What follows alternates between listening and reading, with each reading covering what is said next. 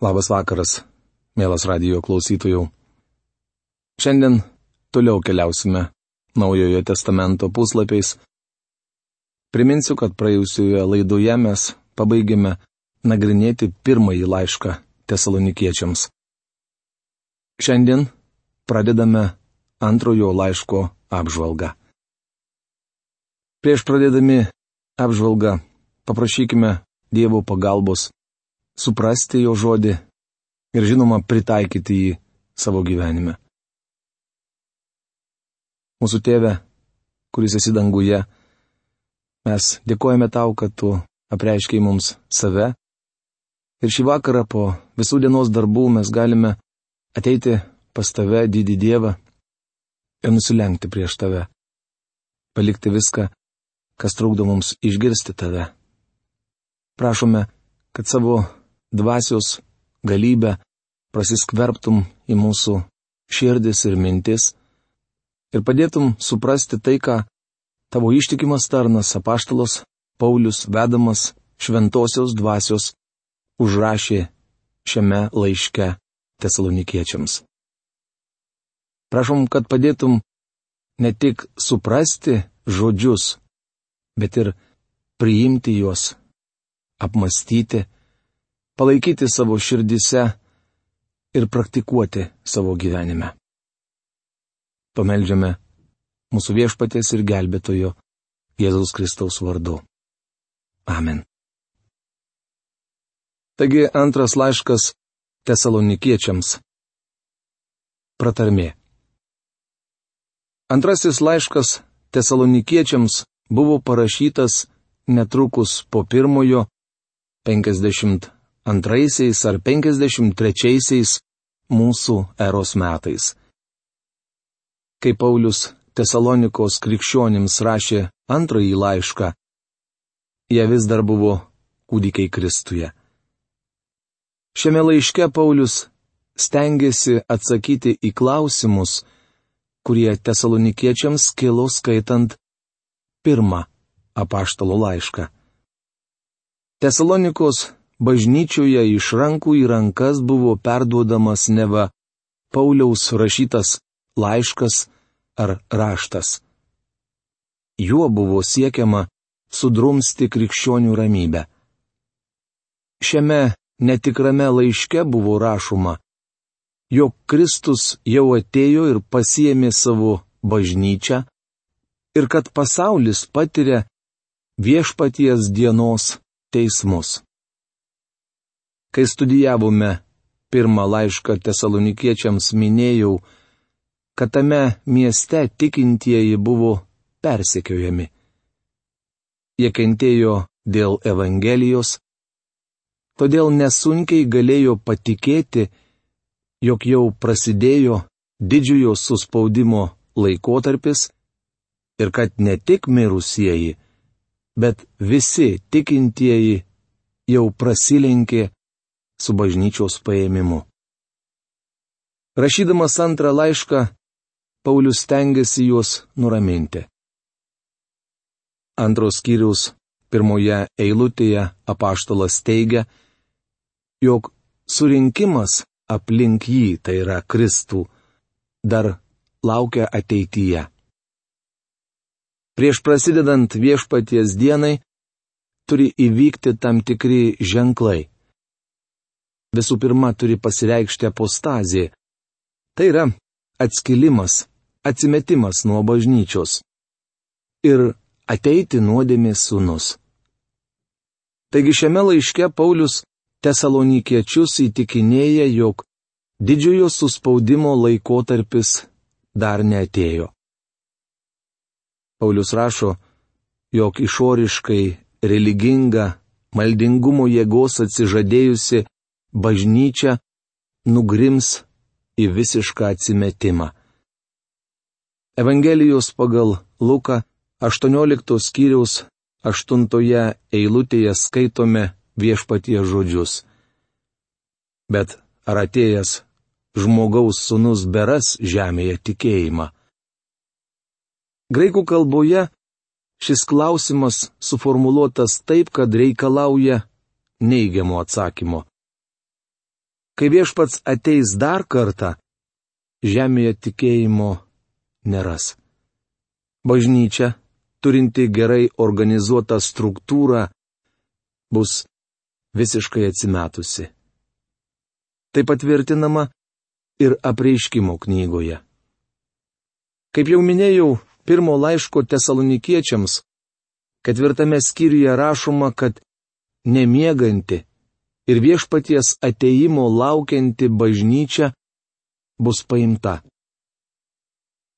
Žemėje liks tuščias keutas organizacijos, kuri turi pamaldumo išvaizdą, tačiau išsigina jo jėgos. Apreiškimo knygos 17 skyriuje, kuris yra pats baugiausias visoje Biblijoje, aprašoma didžioji ištvirkelė. Manau, kad čia kalbama apie tą pačią organizaciją. Tesalonikos tikintieji mane, jo gyvena didžiojo suspaudimo laikotarpiu. Nuo to laiko žmonės, patiriantys persekiojimus ir išbandymus, tiki pakliuvę į didįjį suspaudimą. Pavyzdžiui, antrojo pasaulinio karo metu, kai Britanijoje vyko aviacijos anskrydžiai, kai kurie konservatyvūs tarnautojai padarė išvadą, jog pateko į didįjį suspaudimą ir bažnyčia turės jį iškesti. Vienas pamokslininkas iš Anglijos, geras mano draugas, tiki, kad bažnyčia turės patirti suspaudimą. Iš tikrųjų jis tiki, kad tai jau vyksta dabar. Šiuo metu tas žmogus gyvena Kalifornijoje. Vieną dieną jis, dar vienas bičiulis ir aš kartu pietavome. Kai pradėjome kalbėti apie bažnyčią ir didįjį suspaudimą, pamokslininkas iš Anglijos ėmė primiktinai tvirtinti, jog bažnyčia jau patiria didįjį suspaudimą. Savo teiginį jis paremė tokiu argumentu. Magi, jei būtumėte buvęs Didžiojoje Britanijoje per aviacijos anskrydžius ir kiekvieną naktį jums būtų tekę su savo bažnyčios nariais leistis į tunelius, ir jei kiekvieną naktį būtumėte matę, kaip dėl nepakeliamos įtampos žmonės patiria nervinį išsekimą, jūs tikrai man pritartumėte. Aš jam atsakiau. Jei būčiau buvęs Didžiojoje Britanijoje ir pakliuvęs į bombardavimą taip kaip jūs, esu įsitikinęs, jog būčiau galvojęs taip kaip ir jūs. Tai didysis suspaudimas.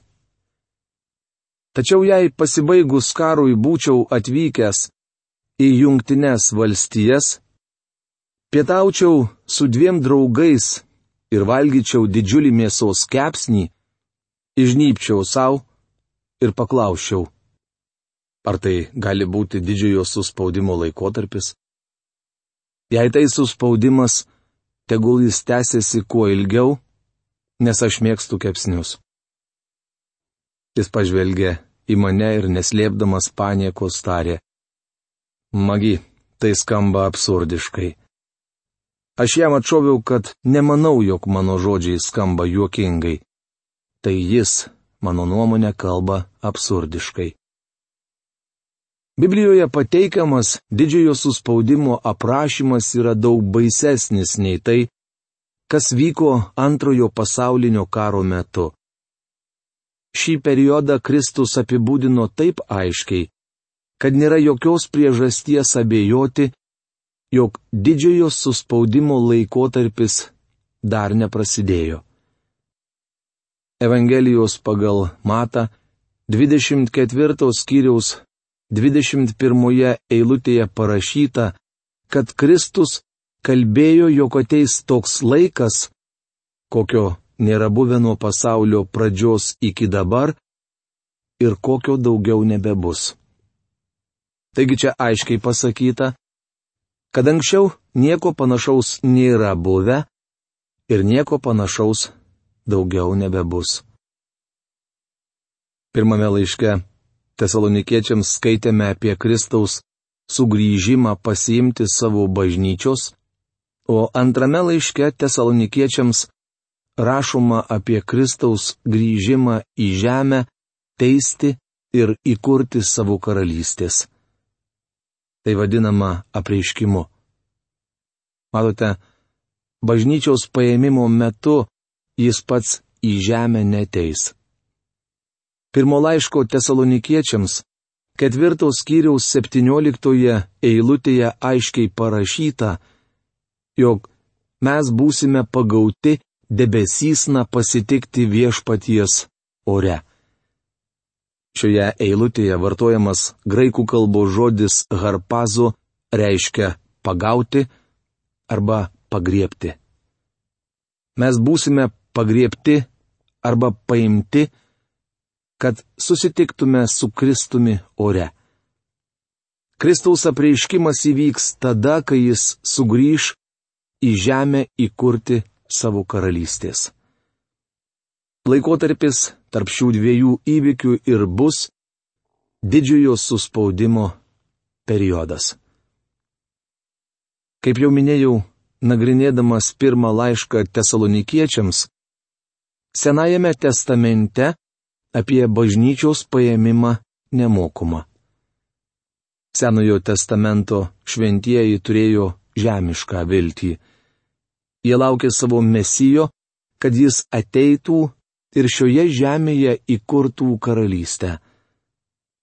Pasakymas dangaus karalystė reiškia dangaus valdžią žemėje. Tai pats paprasčiausias paaiškinimas, kokį aš žinau. Kai kurie teologai taip sudėtingai aiškina, kas yra dangaus karalystė, kad man net kilo įtarimas, ar tik jie nenori įvesti kokios nors teorijos. Dar kartą pabrėžiu, jog dangaus karalystė, apie kurią kalbėjo Jėzus, reiškia dangaus valdžią žemėje. Tai reiškia, kad ši žemė taps dangumi, kai joje viešpataus Kristus. Noriu, kad tie, kurie nieko nesižymite, apsiginkluotumėte trumpą kantrybę, nes dabar aš perskaitysiu šios knygos trumpą planą. O tie, kas konspektuojate, susikonspektuotumėte. Ir mes pradėsime pirmos skyriaus apžvalgą. Pirma romėniškai. Dabartinis tikinčiųjų persekiojimas, netikinčiųjų teismas Kristaus ateimo metu. Pirmas skyrius nuo pirmos iki dvyliktos eilutės. A. Pratarmė. Pirmas skyrius. Pirma, antra eilutės. B. Tikinčiųjų persekiojimas ir jo vaisiai. Pirmas skyrius nuo trečios iki septintos eilutės. C. Nedorilių teismas Kristaus ateimo metu. Pirmas skyrius aštunta dvylikta eilutės. Antra romėniškai. Įvykiai susiję su Kristaus ateimu. Antras skyrius nuo pirmos iki dvyliktos eilutės. A. Bažnyčios paėmimas. Antras skyrius pirma eilutė. B. Viešpaties diena prasidės visišku atsimetimu ir nuodėmės sunaus pasirodymu. Antras skyrius antra penkta eilutės. C. Šiandien veikianti nedorybės paslaptis. Nedorelio ateimą sulaiko šventoji dvasia. Antras skyrius nuo šeštos iki aštuntos eilutės. D. Nedorilio pasirodymas didžiojo suspaudimo laikotarpiu. Antras skyrius 9-12 eilutės. Ir trečia romėniškai. Praktiniai patarimai Kristaus ateimo laukiantiems krikščionims nuo antros skyriaus 13 eilutės iki trečios skyriaus 18 eilutės. A. Tikintieji turėtų įsitvirtinti Dievo žodyje. Antras skyrius nuo 13 iki 17 eilutės. B. Tikinčiųjų elgesys. Trečias skyrius nuo 1 iki 7 eilutės. Ir C. Tikinčiųjų darbai. Trečias skyrius nuo 8 iki 18 eilutės. Taigi, antro laiško tesalonikiečiams pirmas skyrius. Skyriaus tema - dabartinis tikinčiųjų persikiojimas ir netikinčiųjų teismas Kristaus ateimo metu. Pratarmė.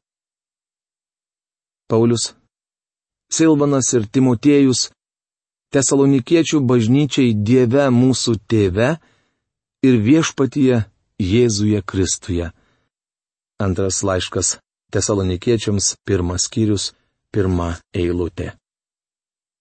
Paulius savo laišką pradeda įprastu, draugišku pasveikinimu. Atkreipkite dėmesį, kad apaštalas įterpia Silo, tai sutrumpintas Silvano vardas, bei Timotiejaus sveikinimus. Šiems trims vyrams dėl Evangelijos teko daug iškentėti. Tikriausiai prisimenate, kad Filipuose Paulius ir Silas buvo patekę į kalėjimą. Jau minėjau, kad visi trys vyrai į Tesaloniką atvyko drauge, o vėliau Pauliui juos teko palikti. Apaštalas bendražygių laukė Atenuose, o jiems neatvykus nukeliavo į Korintą. Ten jie galų gale susitiko ir perdavė Pauliui tesalonikiečių klausimus, kurie jiems iškilo po apaštalo išvykimo. Stengdamasis atsakyti į šiuos klausimus, Paulius parašė pirmą laišką tesalonikiečiams. Rašydamas antrąjį laišką, apaštalas paminė du brolius viešpatyje savo bendradarbius. Tai reiškia, kad jis susitapatina su šiais žmonėmis. Jei Paulius savo laiškuose nebūtų jų paminėjęs, šiandien mes apie juos visiškai nieko nežinotume. Tai nedidelė detalė, daug pasakanti apie šio vyro charakterį. Išdidus jaunas fariziejus tapo nuolankiu viešpaties Jėzaus Kristaus pasiekėjų, tarnu ir apaštalų. Kaip jau minėjau, šis laiškas adresuotas tesalonikiečių bažnyčiai, kuri buvo Dieve, mūsų tėve ir viešpatyje Jėzuje Kristuje. Galbūt kam nors kils klausimas, kodėl apaštalas nepaminėjo šventosios dvasios. Manau, jog taip yra dėl to, kad dvasia gyveno tesalonikiečių viduje. Būtent ji įgalino tikinčiuosius gyventi vertai didžiojo Dievo pašaukimo ir būti gerų liudijimų aplinkiniams. Tai įmanoma tik esant Dieve tėve ir viešpatyje Jėzuje Kristuje. Mielas bičiuli, tai reiškia, kad apaštalas mokė apie Kristaus dieviškumą jis netrupučio nebejojo, kad Jėzus Kristus yra Dievo sūnus. Evangelijoje pagal Joną, dešimtame skyriuje nuo 27 iki 29 eilutės užrašyti viešpaties Jėzaus žodžiai. Manosios avys klauso mano balso. Aš jas pažįstu ir jos seka paskui mane Aš joms duodu amžinai gyvenimą. Jos nežus per amžius ir niekas jų neišplėš iš mano rankos. Tėvas, kuris man jas davė, yra aukščiau už viską. Ir niekas jų neišplėš iš tėvo rankos. Antro laiško tesalonikiečiams pirmos skyriaus pirmoje eilutėje rašoma apie dieviškas viešpaties Jėzaus ir Dievo tėvo rankas. Kitaip tariant, Tesalonikos bažnyčia buvo tėvo ir Jėzaus rankose. Tikiuosi, kad jūsų bažnyčia taip pat yra Jėzaus rankose. Mielas bičiuli, nesvarbu, kaip jūsų bažnyčia vadinasi. Svarbiausia, kad jūs ir kiti tikri tikintieji esate Kristuje Jėzuje. Tikruose tikinčiuosiuose gyvena šventoji dvasia ir jos jėga, jie gali būti Kristaus liudytojai kaimynams, bendruomenės nariams, visiems savo šalies gyventojams ir viso pasaulio žmonėms. Apie tai šio laiško įžangoje rašo apaštalas Paulius. Malonė jums ir ramybė nuo Dievo tėvo ir viešpaties Jėzaus Kristaus. Antras laiškas tesalonikiečiams, pirmas skyrius, antra eilutė. Malonė ir ramybė yra du svarbus žodžiai vartojami Naujajame testamente. Atkreipkite dėmesį, kad pirma paminėta malonė. Jei patyrėte Dievo malonę, tai reiškia, jog esate išgelbėtas. Apaštalas Paulius laiško Efeziečiams antros skyriaus aštuntoje devintoje eilutėse rašo. Juk jūs esate išgelbėti malonę per tikėjimą ir ne iš savęs, bet tai yra Dievo dovana ir nedarbais, kad kas nors nesigirtų. Žmogus Dievo malonę gali patirti tuo met, kai ateina pas jį kaip pražuvęs nusidėjėlis, nieko neatsineždamas. Dievas išgelbėjimą siūlo kiekvienam, kitaip tariant, amžinasis gyvenimas yra Dievo dovana. Už dovaną niekas netidirba, nes jei už ją užmokama, tai jau nebe dovana, bet atlyginimas. Dievas nesuteikia išgelbėjimo dėl to, kad esate puikus sekmadieninės mokyklos berniukas. Išgelbėjimą arba amžinai gyvenimą Dievas siūlo kiekvienam pražuvusiam, į pragarą pasmerktam nusidėjėliui, kuris patikės Kristumi. Tai yra malonė. Toliau Paulius rašo apie ramybę. Jei patyrėte Dievo malonę, tuomet suprantate, apie ką aš kalbu. Tokia ramybė apima tuo met, kai suvokiate, jog jūsų nuodėmės atleistos. Tai ne ta ramybė, kuri užplūsta po vizito pas psichologą ar psichiatrą. Čia kalbama apie antgamtinę ramybę, tai reiškia, kad ji ateina iš Dievo mūsų tėvo ir viešpaties Jėzaus Kristaus. Mielas bičiuli, ji prieinama ir jums. Nes tai Dievo dovana, duodama nusidėjėliams, kurie atsigręžia į Kristų. Mielas mūsų laidų klausytojų, aš nesu Dievas ir negaliu matyti kiekvieno iš jūsų širdies. Bet aš prašau, kad jūs dar neatsitrauktumėte nuo savo radio imtuvų ir išklausytumėte mane. Kokioje padėtyje jūs šiandien gyvenate? Ar žinote, kad esate išgelbėtas? Ar vis dar abejojate? Ar niekada net negirdėjote apie tai, jog žmogus gali būti išgelbstimas ir savo nuodėmiu? Romiečiams laiškė rašoma, širdimi tikima ir taip įgyjamas teisumas, lūpomis išpažįstama, ir taip įgyjamas išgelbėjimas. Jūs girdite Dievo žodžio aiškinimą, jo skelbimą. O tikėjimas iš klausimo, o klausimas, kai skelbiamas Dievo žodis. Jeigu jūs dabar sustosite savo gyvenimo etape, dabar susimastysite apie tai, kokioje padėtyje gyvenate ir nuoširdžiai kreipsitės į dangaus Dievą pagalbos, jisai netruks jums ištiesti pagalbos ranką, atleisti jūsų nusižengimus ir nuodėmes ir parodyti, ką jums reikia toliau daryti. Mano palinkėjimas, kad jūs tai padarytumėte, netidėliodamas nei vienai akimirkai. Kas nors galbūt pasakys taip, aš sutinku, kad esu nusidėjėlis. Pripažįstu, kad esu nusidėjėlis. Bet ką man toliau daryti? Aš jums pasakysiu, kad jūs susirastumėte Bibliją tikinčią ir Dievo žodį pamokslaujančią bažnyčią ir galėtumėte tapti tos gyvos Jėzaus Kristaus bendruomenės nariu.